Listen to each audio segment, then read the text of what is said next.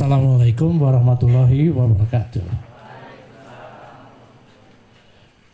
Saya senang sekali akhirnya datang ke sini setelah dua bulan yang lalu saya diberitahu ya bahwa UIN apa? UIN Sunan Ampel ya, UINSA, UINSA ya. ya. Memang uh, tiap hampir tiap bulan memang ya alhamdulillah banyak sekali teman-teman arsitektur dari seluruh Indonesia itu uh, apa namanya bisa lah ke sini dan me, saya ajak untuk berkeliling di sini. Saya biasanya mengajak selain di sini juga ada di ITB, ada kampus center. Sudah ke kampus center kan kemarin ya? Kampus center ITB di tengah kam di tengah kampus ITB itu ada kampus center itu juga saya rancang. Kira-kira eh, uh, 10 tahun yang lalu. Di Bandung ini ada galeri lain yaitu ada Lawang Wangi ya ada galeri Sumarja macam-macam galeri yang saya rancang. Tetapi memang ini yang paling terkenal Selasar Sunario Art Space itu sekarang sudah menjadi daerah tujuan wisata. Setiap wisata intelektual dari luar kota selalu ini sudah menjadi uh, apa DTA daerah tujuan wisata yang bagus. Seperti di Blitar, saya merancang perpustakaan Bung Karno di Blitar itu juga namanya perpustakaan proklamator. Itu juga ya di depannya makam persis. Itu juga sudah menjadi daerah tujuan wisata ya alhamdulillah. Setiap tahun itu 300 orang 300 ribu orang kira-kira datang setiap tahunnya. Sudah pernah sana belum? Belum. Padahal deket kan dari dari Surabaya ya empat jam kali ya ke sana. Nanti next time kalau kebetulan nanti ke Blitar nanti kebetulan saya juga di Surabaya nanti saya antar ke sana ya banyak sekali ini. Nanti kita, Mbak, siapa? Mbak Dia, nanti kalau ini saya putar lagi, ada di, siapa yang memutar? Sambil diputar tanpa suara, saya sambil menerangkan nanti setelah cerita dulu. Ada yang tidak di belakang ya? Siapa namanya?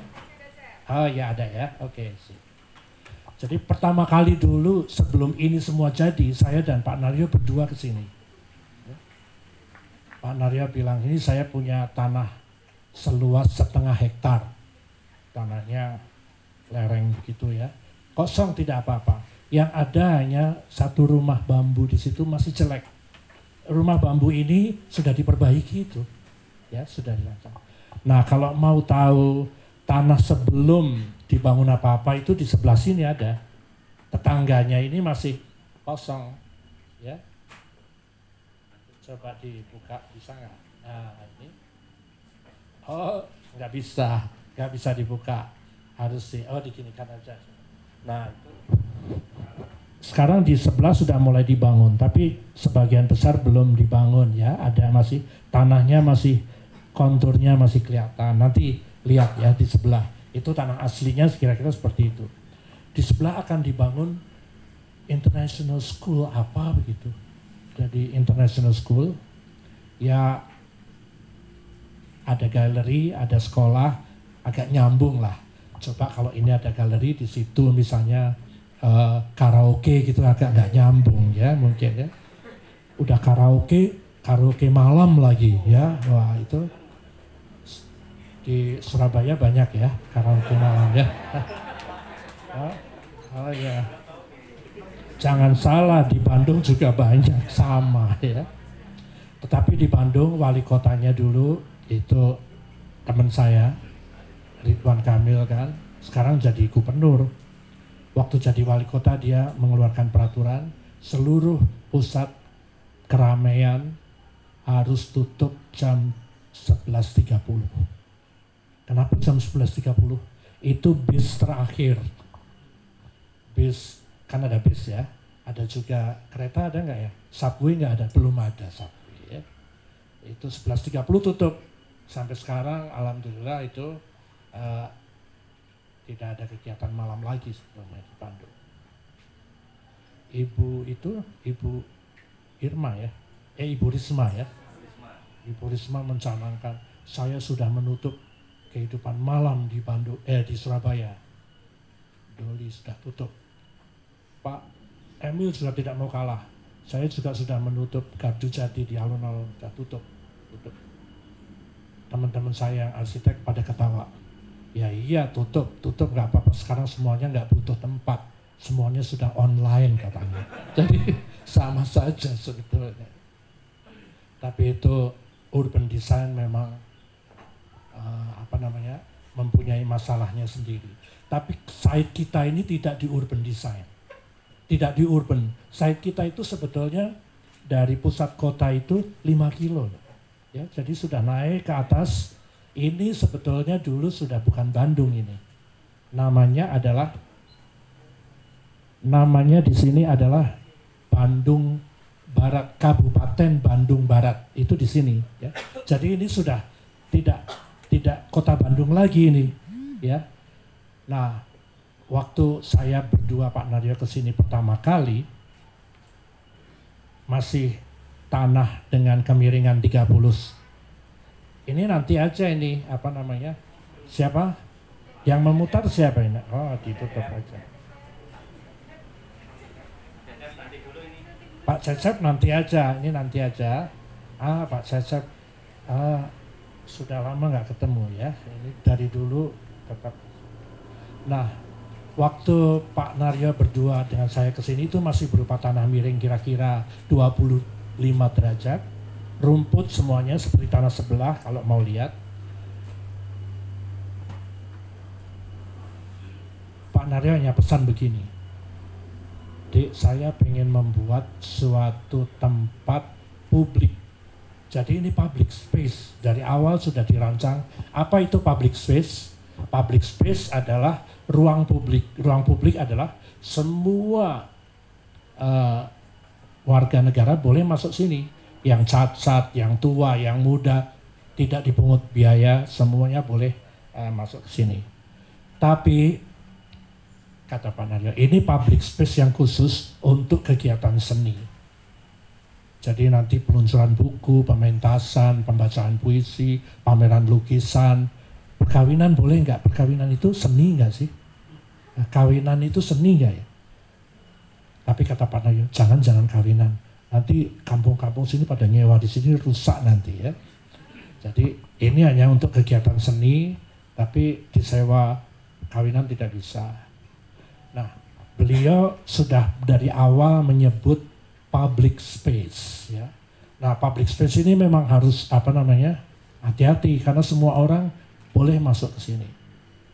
Padahal ini Bandung Uta, Bandung, kawasan Bandung di luar kota Bandung yang peraturannya adalah daerah persapan ling air.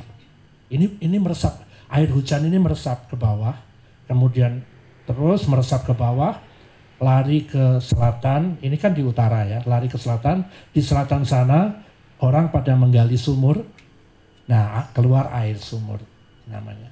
Jadi ini daerah resapan. Karena daerah resapan maka sebetulnya tidak boleh dibangun. Tidak boleh dibangun sebetulnya. Akhirnya boleh 5%. Ya. 5% boleh dibangun. Jadi kalau ini ini adalah 6000 meter persegi, maka yang boleh dibangun berapa? 5 persennya, seper 20-nya, 300 ya. Hanya 300 meter persegi yang boleh dibangun. Jadi selasar yang sana itu kira-kira 200, yang ini 100 ya 300 lah gitu, pas. Jadi hanya 5 persen bayangin. Terus ada ketentuan lagi dalam eco architecture namanya, arsitektur ekologis.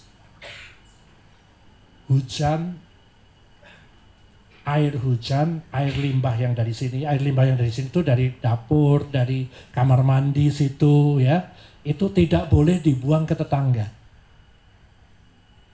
Jadi tidak boleh dibuang sembarangan ke tetangga. Air hujan yang turun di sini tidak boleh dibiarkan langsung ke tetangga, tidak boleh. Harus diapakan? Diresapkan. Karena itu di sini ada sembilan sumur resapan. Salah satu di sini, satu, satu. Sumur resapan ada sembilan. Sumur resapan itu adalah diameternya 1,2 meter, dalamnya 9 meter kira-kira. Diisi kerikil, batu kerikil. Yang paling bawah bukan kerikil, tapi yang paling bawah itu sabut, ya sabut, hijau, kerikil, terus macam-macam. Jadi supaya apa? Supaya air itu bisa melak lewat di apa mengalir ke sana 9 meter ke bawah ada yang di sana itu uh, eh, 15 meter karena tanah yang ada air tanahnya itu 15 meter jadi sumur-sumur resapan itu lebarnya 1,2 dalamnya 15 meter itu untuk seluruh air hujan yang jatuh di sini diarahkan ke sumur itu diresapkan ke bawah karena apa tidak boleh membuang ke tetangga, tidak boleh. Jadi harus dibuang ke lahan ini sendiri. Karena itu mau tidak mau harus dibuat resapan. Terus Pak Narya bilang, kalau yang itu limbah dapur, limbah apa, kamar mandi itu dibuang ke gorong-gorong aja. Gorong-gorong riul kota tahu kan ya, gorong-gorong kota. Ayo Pak kita lihat gorong-gorong. Pasti lihat di sana tidak ada. Orang ini bukan kota Bandung, ini sudah di luar kota Bandung. Ya di sebelah utara kota Bandung yang suhunya sudah masih dingin, banyak hujan, gorong-gorong tidak ada. Ya. Gorong-gorong kota itu mungkin di kota saja, di sini tidak ada. Jadi tidak bisa dibuang ke riul kota tidak bisa. Akhirnya harus dibuang di sini. Dan seluruh permukaan kalau bisa adalah meresapkan air. Coba lihat ini, halaman ini itu kerikil. Ini meresap meresapkan air ini Coba ya, saya saya jalan coba kedengeran nggak ya? Coba, oh Pak Asep masih Ini ini adalah kerikil. Kalau jalan coba dengarkan. Kedengeran ya? Jadi bawahnya kerikil ini adalah pasir yang meresapkan air dan kerikil itu dulu di di di Jawa, Jawa Tengah dan Jawa Timur kerikil itu sekeliling bangunan. Kerikil itu adalah alarm. Jadi kalau malam-malam ada krek, krek, krek, krek, itu, oh ada yang datang. Pas dibuka tidak ada. Wah tambah takut ya. Tapi zaman dulu kerikil ini adalah alarmnya. Jadi kalau ada orang mendekat ketahuan gitu karena bunyi ya itu bukan karena sepatu saya yang bikin bunyi, tapi memang itu bunyi ya. Nah, teruskan tadi, meneruskan tadi, waktu saya dan Pak Naryo berdua ke sini, wah dek ini hanya 5%. Oke nggak apa-apa, 30 eh 300 meter persegi saja cukup bangunan apa uh, galeri utama plus penunjangnya cukuplah 300. Galerinya dua lantai, wah tidak boleh dua lantai waktu itu ya. Akhirnya ya sudah satu lantai semuanya, tapi satu lantai tapi tanahnya kan begini-begini ya. Sebetulnya tanah berkontur itu adalah rahasia atau kunci kunci desainnya ya kunci solusi desainnya ada pada tangganya ya, tangga. Nah Tangga di sini tidak diletakkan di dalam galeri. Karena apa? Tangga itu menyita tempat. Sudah galerinya kecil dikasih tangga. Wah, mending untuk ruang pameran. Maka itu tangganya semua di luar. Ya. Lihat, tidak ada tangga di dalam bangunan. Di sini tangga semuanya di luar. Kalau hujan gimana? Kalau hujan ya, pakai payung ya. Gampang ya. Nah, pertanyaan yang sampai sekarang ditanya adalah kalau ada handicap atau yang pakai kursi roda. Rem ya, membuat rem itu sangat sangat membutuhkan ruang tanah. Di sini tanah per meter persegi kan 20 juta ya. Satu meter persegi 20 juta. Jadi untuk membuat rem itu, wah nggak bisa. Soalnya rem itu ya, rem untuk handicap itu perbandingannya 1.15.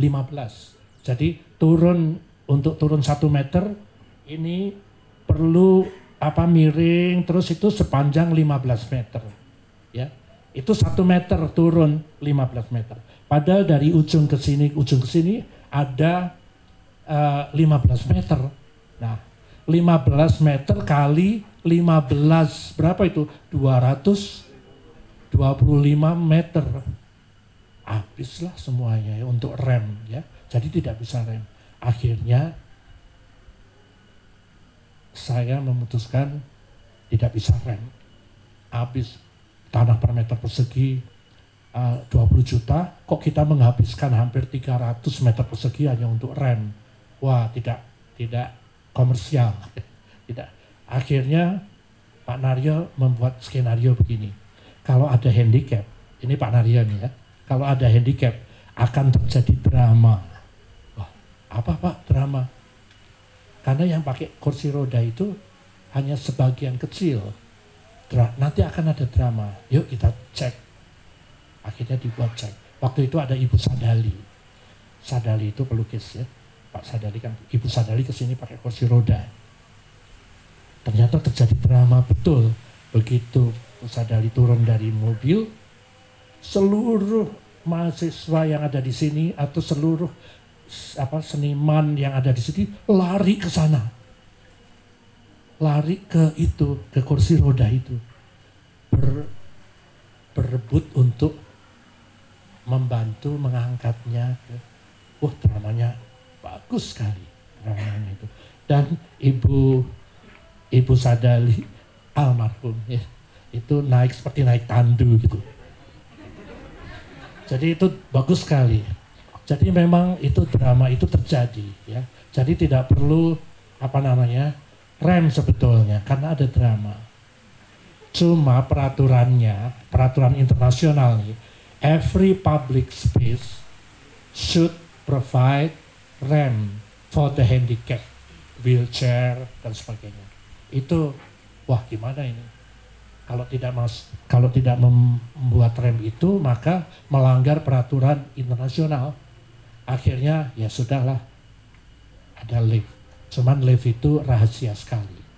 Tidak ada yang tahu lift itu di mana. Itu dipergunakan hanya kalau ada kursi roda aja baru disembunyikan di mana ada lift.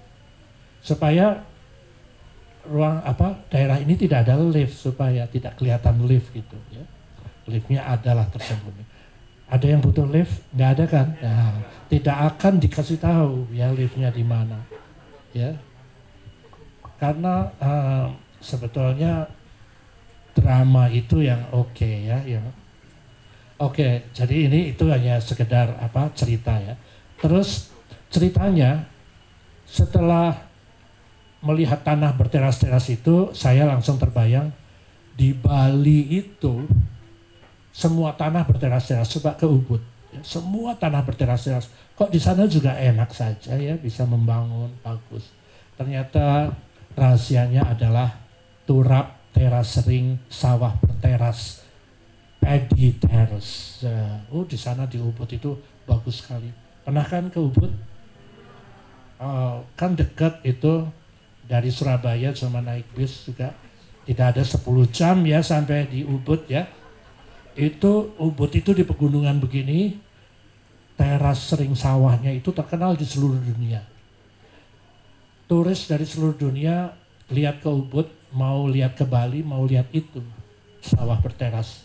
Termasuk bangunannya juga berteras-teras ya. Teman saya Andra Martin itu banyak sekali membuat Ketut Artana juga arsitek Bali itu membuat uh, bangunan dengan teras sering yang bagus sekali ya Kenapa di Bali bisa, di sini tidak? Akhirnya di sini memang konsepnya sawah berteras gitu ya. Berteras-teras. Ya, apa namanya, justru teras ini saya jadikan konsep. Kan Pak Narya pengen pengen membawa ini dari Banyumas. Rumah Bupati di Banyumas nih, ini tempat kelahiran beliau. Saya mau bawa itu dipretelin di sini dirakit lagi ya saya menyediakan uh, landscapingnya ya landscapingnya di tapi bangunan yang saya buat saya pengen galerinya Pak Naryo harus modern. Saya bilang, saya katakan ke Pak Naryo, karena karakter Pak Naryo itu adalah modern. Lukisan, uh, installation, work of art, itu semuanya modern. Sehingga harus dipisahkan antara yang tradisional dan yang modern. Untung ada kontur. Jadi kalau pas di sini tidak, pas di sini yang modern hilang, kalau kita pas yang di modern, yang tradisional hilang. Bagaimana cara menghilangkan bangunan sebesar ini? Kontur, ya. Kalau di atas ini nggak ada, ya. Kalau di atas ini tidak ada, tidak ada itu tidak terlihat. Tadi kan waktu di atas tidak terlihat kan? Pas di sini lihat mana bangunannya, yang modern mana di sini? Nggak terlihat kan? Karena ditutupi dengan apa pagar bata semuanya. Nah, kontur sekali lagi dijadikan juga untuk eh, apa namanya memisahkan ya antara yang menghilangkan bangunan modernnya. Kalau di sini ya yang terlihat tradisional ini, ya. Pada waktu di sana yang tradisional tidak terlihat, yang terlihat adalah yang modern. Pak Danio itu punya tiga kriteria. Pak Naryo itu punya tiga kriteria untuk saya untuk mendesain galeri itu. Kriteria pertama, bisa menampilkan karya saya dengan bagus, menyimpan karya-karyanya dengan bagus, gampang. Ya, asal tidak kehujanan, tidak kena sinar. Bisa menampilkan karya-karya dia secara bagus, gampang. Jangan bikin detail-detail yang rumit supaya karyanya menonjol ya kan. Pakai latar bangunannya itu latar belakang tembok aja tembok tembok karena itu konsepnya bangunan yang saya yang tradisional uh, yang modern itu adalah bangunan sebagai latar belakang jadi hanya dinding-dinding kosong saja tak berwarna dan tidak ada pintu tidak ada jendela tidak ada detail supaya apa supaya karya-karya lukisan dan patungnya Pak Naryo bisa tampil dengan uh, 100% bagus bangunannya itu sebagai latar belakang. Karena itu konsepnya bangunan zero detail atau bangunan detailnya nol. Bisa kalian bikin konsep bangunan dengan zero detail. Detailnya nol. Kosen tidak ada, pintu tidak ada, jendela tidak ada. Apalagi apa itu plafon atau pokoknya detail-detail yang tidak perlu tidak ada aja kalian nanti bisa lihat di sana kaca ketemu dinding gimana? Ya ada kosen. Ini kaca, ini dinding, ya sudah ketemu saja ya. Supaya detailnya mendekati nol. Ya. Kalau ada kosen lagi, wah detailnya rumit nih ya. Bisa mengalahkan lukisannya nanti kosennya ya. Apalagi kosen yang berukir-ukir ya. Ini ukirannya sudah ditutup, tadinya berukir-ukir ya ditutup oleh ini ya ditutup oleh kayu tapi yang ini asli yang di bawah ada ukir-ukiran sudah ditutup ya. Supaya detailnya nol. Satu-satunya detail yang dibuat yang dibuat nah ini. Coba lihat. Ya hanya ini aja. Ini lampu ya ini lampu. Ini detail sedikit. Di bawah tidak ada detail sama sekali. Langsung ke bawah langsung blok saja. Jadi ini yang asli hanya atapnya saja. Atap dan ini. Namanya apa ini? Ini detail ini namanya apa? Kok saya lupa? Apa?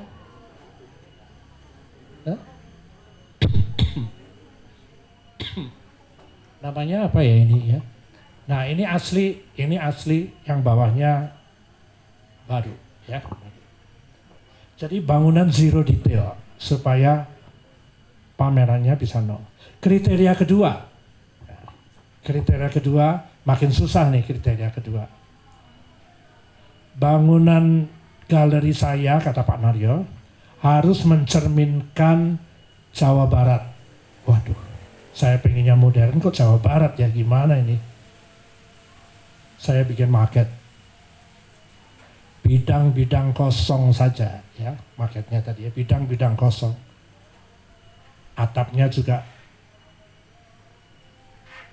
datar, pengennya datar tapi harus miring karena tropis ya. Jadi miring satu, bukan miring dua tapi miring satu saja. Ya. Harus mencerminkan Jawa Barat. Gimana ini? Waduh. Akhirnya atap yang miring separuh itu ujungnya diberi detail abstraksi dari uh, Sambulayang, abstraksi dari Julangapak Jawa Barat. Ya di ujungnya miring gitu ya, miring itu abstraction dari uh, detail julang apa. Karena karya Pak Naryo itu modern abstraction, ya, abstraksi dari bentuk-bentuk modern. Nah, kira-kira di mana kira-kira permintaan uh, Jawa Baratnya itu di mana? Saya konsepkan waktu itu Pak Naryo bangunannya modern saja, bangunan modern saja, ya abstraksi dari Jawa Barat boleh tapi tetap ekspresinya harus modern. Terus dia bertanya, loh Jawa Baratnya di mana? Saya bilang Jawa uh, apa namanya Jawa Baratnya di landscape-nya saja. Ya kalau bangunannya modern, kalau suasana Jawa Barat landscape kan suasananya pasti Jawa Barat ya. Karena itu di sini ada 11 bambu yang asalnya dari Jawa Barat. Semua bambu dari Jawa Barat ada. Bambu kuning, bambu hijau, bambu hitam, bambu putih, bambu berbunga. Tahu bambu berbunga? Belum pernah kan di sana ada bambu berbunga. Bambu botol di sana ada. Jadi bambu botol itu bentuknya tidak lurus begini tapi seperti botol gitu. Nah, gitu ya, di sana ada jadi ini ada 11 kira-kira 11 spesies bambu dari seluruh Jawa Barat. Dan tumbuh-tumbuhan lain selain bambu itu semua dari Jawa Barat sehingga landscapingnya bernuansa Jawa Barat. Air, air itu juga di landscape Jawa Barat itu ada balong, ya. Rumah panggung, rumah panggung kemudian salah satu uh, tiangnya masuk ke air, ada air balong, kemudian ada air terjun, bunyi, nah semua ada di sini. Di depan ya, tadi ada air, ada yang kolom masuk air dan sebagainya. Nah itu semuanya itu adalah untuk kriteria nomor dua, harus bernuansa Jawa Barat. Tapi bangunannya modern. Kriteria ketiga paling susah saya tidak, aduh ini gimana ini ya. Akhirnya kerjasama dengan Pak Naryo di kriteria ketiga ini. Kriteria ketiga itu bangunannya harus menyiratkan karya saya. Kan susah. Karyanya Pak Naryo saya pelajari itu adalah modern, abstrak, dan penuh dengan unsur etnik yang detail-detail etnik yang kecil-kecil. Ini susah sekali. Karena itu akhirnya saya lihat ada patung kuda, karya Pak Naryo patung kuda. Bangunannya ya kira-kira proporsinya saya buat begitu gitu ya. Saya katakan ke Pak Naryo, Pak Naryo ini patung kuda. Ya oke okay, ya. Ya pokoknya prinsipnya bukan pada bentuknya tetapi pada karakternya yaitu karakter karya Pak Naryo adalah modern abstraction etnik Nah, ada tiga ini. Jadi tiga, tiga ini karakternya saya bawa ke gedung itu sehingga uh, menyiratkan karya beliau itu sudah sedikit adalah dan proporsi secara total seperti sculpture dia sculpture-nya beliau ya. tiga kriteria dia apa ya. kriteria dari saya ada tiga lagi ini kriteria saya sendiri ini kriterianya arsitek masa kini ya. Pertama harus sesuai dengan perilaku pengunjung. Itu harus tuh. Pengunjung kalau pengunjungnya perilakunya bagaimana, kita mendesainnya tidak sesuai dengan perilaku mereka tidak akan tidak akan dikunjungi ya. Contohnya saya mendesain beberapa kafe di sini untuk kaum milenial saya harus pelajari perilaku kaum milenial ini. Kalau nongkrong di kafe itu uh, harapannya apa, preference yang disukai kafe seperti apa. Kemudian di kafe itu para milenial itu mengerjakan apa? Ternyata mengerjakan segala macam ya. Perilaku kaum milenial itu harus dirancang. Di sini juga harus sesuai dengan perilaku dari pengunjung. Perilaku eh, pengunjung yang sebagian besar yang mengunjungi ini adalah artis, seniman. Ya, seniman. Ini juga semua di sini mahasiswa seni uh, ini adalah calon-calon arsitek, calon-calon seniman juga ini ya. Jadi uh, apalagi yang mana? Apalagi ini, ini apa namanya? Ini mukanya sangat seniman sekali ini ya. Nah, ini, ini pasti, ya kan? Seniman, seniman itu macam-macam ya. Bisa seniman. Kalau kamu seniman apa ya? Didi Kempot itu kan juga seniman ya kan Didi Kempot kamu suka lagu-lagu Didi Kempot pasti ya suka jogetnya itu ya jadi Didi Kempot itu master of broken heart ya oh godfather of broken heart jadi dalam hati broken heart kan sedih ya tapi sudah broken heart kok dikendangi ya itu kendangnya kan itu sangat menonjol sekali ya di lagu-lagunya. Nah, nah, perilaku yang pengunjung yang datang ke sini itu semuanya artis. Bayangkan artis itu sangat sulit dideteksi perilakunya, ya. Misalnya akan residence, artis residence itu di sini ya. Mereka harus tinggal di sini, makan di sini, masak di sini, berprak apa berkreasi di sini ini. Jadi semua di sini harus anti vandalisme. Apa itu anti vandalisme? Jangan kena cat sedikit kotor rusak, jangan kena minyak sedikit uh, rusak itu jangan. Jadi harus karena itu harus dari batu, bata, ya ini ini itu ini itu resin yang tahan segala macam ya. Jadi anti vandalisme artis itu ya seniman itu kalau lagi galau kakinya nendang-nendang ya. Jadi jangan sampai cepat kotor ya. Ini semuanya itu harus semua anti vandalisme dinding-dinding batu itu semuanya batu ditempel batu tempel itu untuk itu. Jadi kalau dia nendang kakinya lecet sendiri gitu ya. Atau kalau dia sepatunya kotor gampang dibersihkan dan seterusnya itu hanya satu contoh kriteria saya yang kedua itu sebetulnya adalah ekologi. Ya, ekologi. Jadi ini harus apa ya? Energinya minimum. Orang masuk sini tidak tarik bayaran, tidak. Karena itu di sana di apa namanya galeri itu tidak pakai PLN. Kalau siang kaca, kaca, kaca semuanya dari luar sudah terang, tidak ada PLN. Malam juga tidak ada PLN. Karena kalau malam galerinya tutup. Ya. Jadi hemat sekali, tidak ada PLN. AC apalagi tidak ada AC. Karena semuanya ini Bandung Utara ini kebetulan anginnya itu semilir dingin.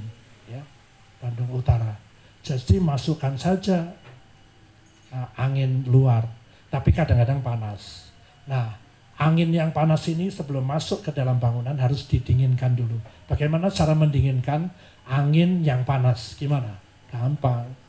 Sebelum dimasukkan ke sini, angin itu didinginkan dulu oleh itu pohon-pohon sekeliling ini. Ya, dilewatkan pohon, angin ya, angin dilewatkan pohon, udah jadi dingin, baru dimasukkan ke sini.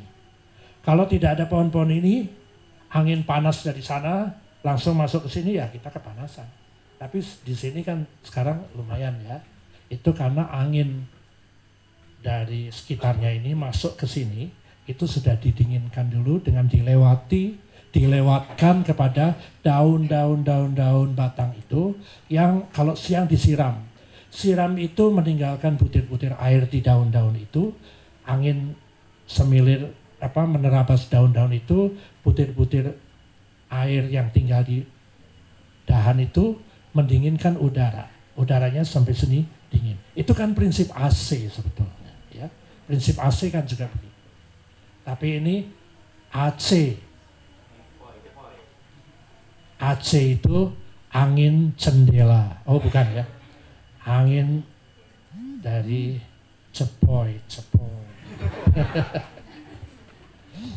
itu kata kamu tadi. Angin cepoy, cepoy ya.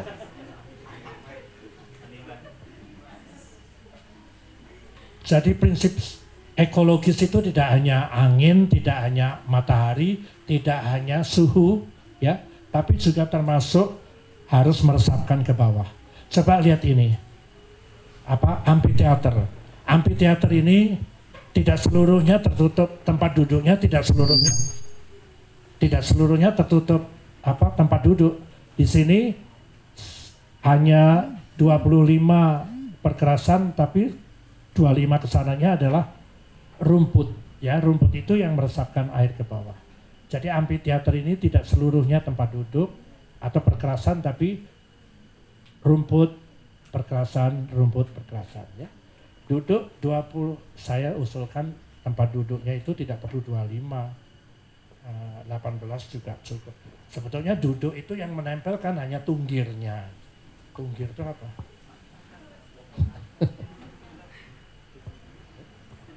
Sebenarnya cukup segini ya, yang lainnya untuk meresapkan air. Itu contoh contoh dari penerapan konsep prinsip ekologi ya ekologi.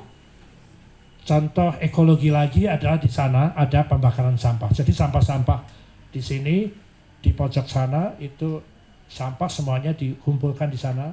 Yang paling banyak kita tahu di sini karena ini untuk mendinginkan udara kan perlu pohon-pohon banyak ya yang paling banyak sampahnya adalah daun. Ya. Daun ini, daun yang kering ini jatuh ke tanah, dikumpulkan, dis, disampahkan di sana jadi pupuk kompos. Ya. Yang kemudian untuk me, uh, merabuki, merabuki itu bahasa Indonesia-nya apa sih? Memupuki, ya. apa namanya itu ya, uh, memupuki tanah ya supaya tanaman supaya subur lagi. Ya. Tadi kriteria saya sudah berapa tadi? Tiga. Hah? Pertama adalah perilaku sesuai dengan perilaku. Kedua ekologi ya. Ketiga ini karena oh ketiga adalah ini karena arsitek maka seluruh bahan bangunan harus tanpa maintenance. Maintenance zero. Jadi selain energi zero juga maintenance zero. Cat zero maintenance. Cat itu cat kamprot ya, cat galeri yang itu tuh kamprot. Waktu itu belum ada. Sekarang cat kamprot itu pakai pakai apa? Spray aja udah jadi kamprot. Zaman itu 20 tahun yang lalu belum ada. Jadi kita membuat jaring net apa net tahu kan net ya jaring seperti ayakan itu dipegang. Terus oh ininya ya anu semennya dilempar melalui net itu.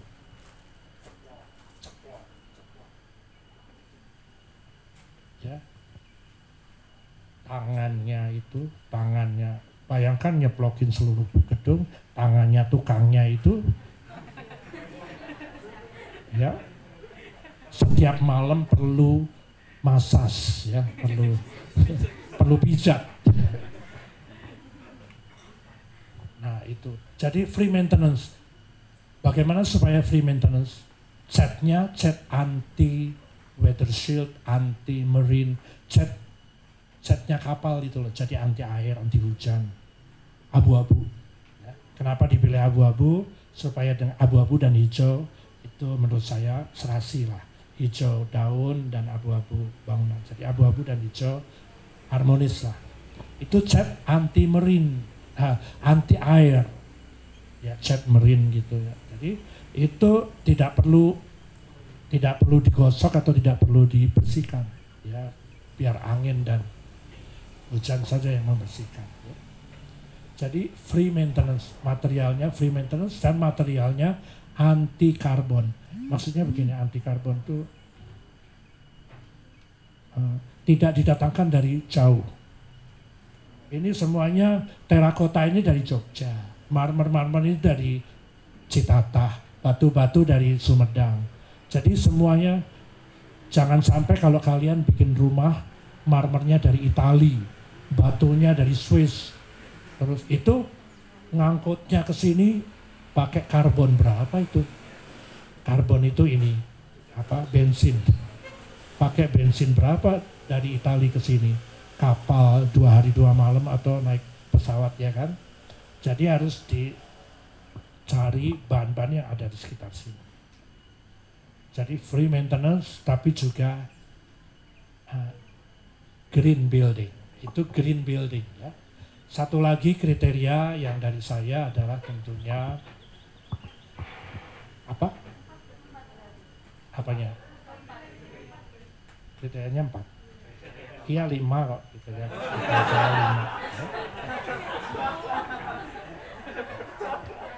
Arsitektur makin banyak kriteria makin lulus nanti ya. Tugas akhirnya makin lulus nanti ya. ini kriteria yang kelima ini adalah saya tidak yang keempat ini saya tidak ceritakan ke siapa-siapa adalah bangunan yang everlasting beauty itulah kira-kira. Jadi sampai kapan pun ini sudah 20 tahun tetap aja banyak yang mengagumi mengunjungi wah bagus ya modern padahal ini sudah 20 tahun yang lalu.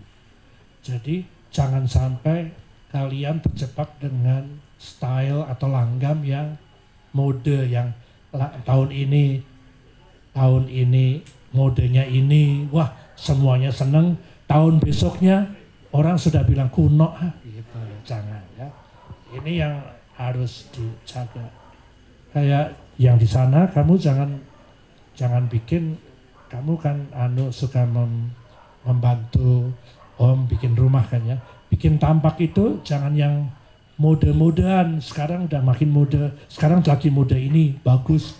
Tahun depan sudah modenya lain ya. Jadi itu susah. Yang punya susah aduh bangunan saya kok jadi kuno. Nah jangan gitu. Jadi kalau bisa arsitektur itu yang agak long lasting beauty gitu ya. ya ini konsepnya banyak. Ya nanti kita lihat. Yuk kita lihat film di sini sambil saya terangkan sedikit-sedikit mengenai uh, yang kita ceritakan tadi ya. Sudah jam 4, kita sampai jam satu jam kan ya, tapi nggak apa-apa lah, 10 menit film ya. Ya loh, saya di kontraknya kuliah satu jam gitu ya katanya ya. Mas Asep, oh nggak ada ya. Mas Cecep, coba di, anu, tapi suaranya nggak usah. Mas Cecep,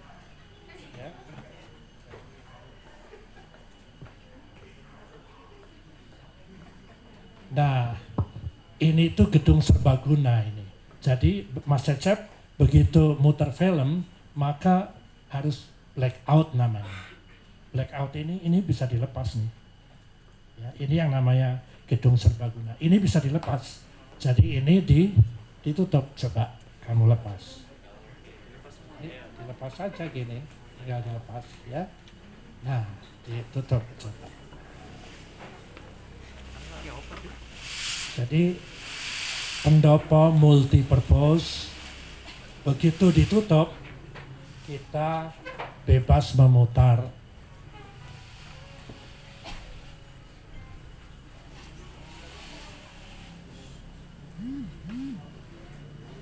Ini denahnya dulu waktu Selasar Sunario di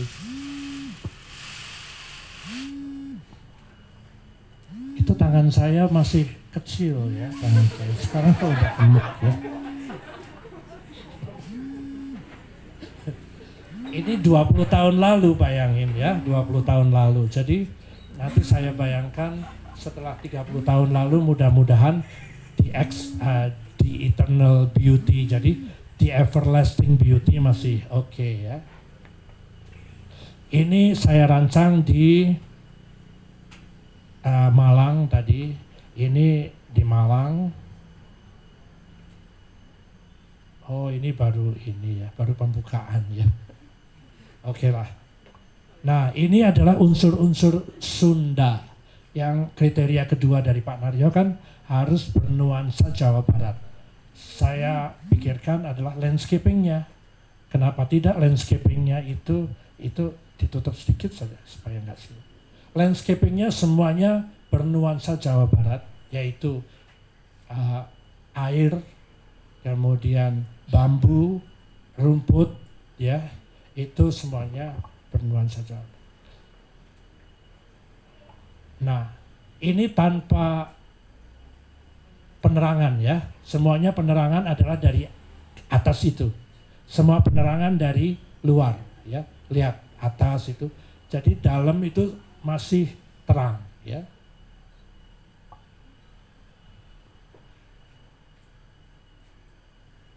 Sebagai sebuah apa namanya? sebuah ini beda ini di Jakarta. Sebagai apa namanya?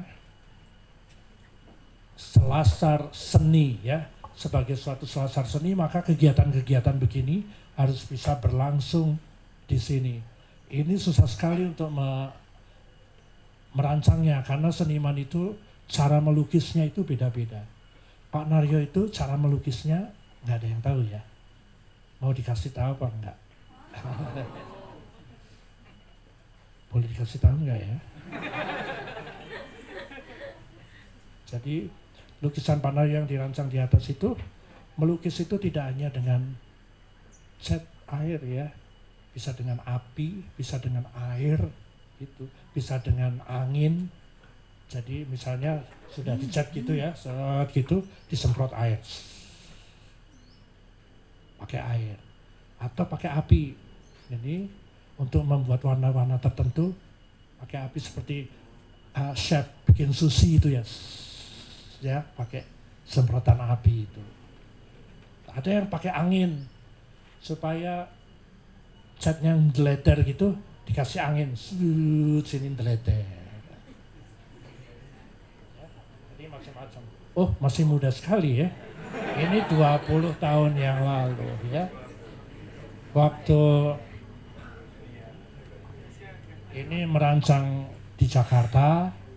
Jadi uh, ini do, kegiatan dosen di ITB saya di ITB juga uh, mengajar beberapa mahasiswa ya itu ada di ITB uh, eh, mengajar kok pakai dasi ya seluruh kegiatan saya karena saya tidak bisa komputer semua memakai apa namanya tangan freehand ya nanti akan diteruskan oleh teman-teman di studio. Nah ini karya-karya saya yang lain yaitu Kampus Center ITB. Kampus Center ITB 2003, udah lama ya. Nah di Kampus Center ITB ini karena di ITB itu bangunannya adalah Belanda, ya, Aula Barat, Aula Timur, karangan atau ciptaan dari McLean Pond, maka uh, Kampus Center disandingkan dengan karya McLean Pond, wah kebanting nih kalau saya pakai detail-detail. Akhirnya memang kampus center itu dibangun dengan gaya neo classicism, neoklasik. Ya. Coba seperti apa neoklasik itu? Uh, nah ini candi penataran. Candi penataran itu di samping makam Bung Karno ini saya merancang museum uh, perpustakaan proklamator. Jadi di, di dekat sana ada Candi Penataran. Jadi gabungan antara Candi Penataran dan uh, bangunan modern akhirnya nanti kita lihat di Blitar ya ada Museum Proklamator. Nah kita sudah sampai di ini adalah kafe yang saya rancang, ini hotel di Palembang, ini panggung dangdut di Pekan Raya, ini rumah-rumah di uh, berbagai daerah di uh, Indonesia yang selalu bahwa Nah, inilah kita sudah sampai di uh, oh ini rumah di Semarang. Rumah di Semarang, ini rumah di Dago atas sekali mendekati Lembang sana. Ini gereja Korea di Surabaya, di Pakwon, ya, di perumahan Pakwon ada. Inilah apa namanya perpustakaan proklamator di Blitar ya. Nah ini wawancara ini di kampus center ya ini. Nah ini candi candi apa namanya candi penataran ini.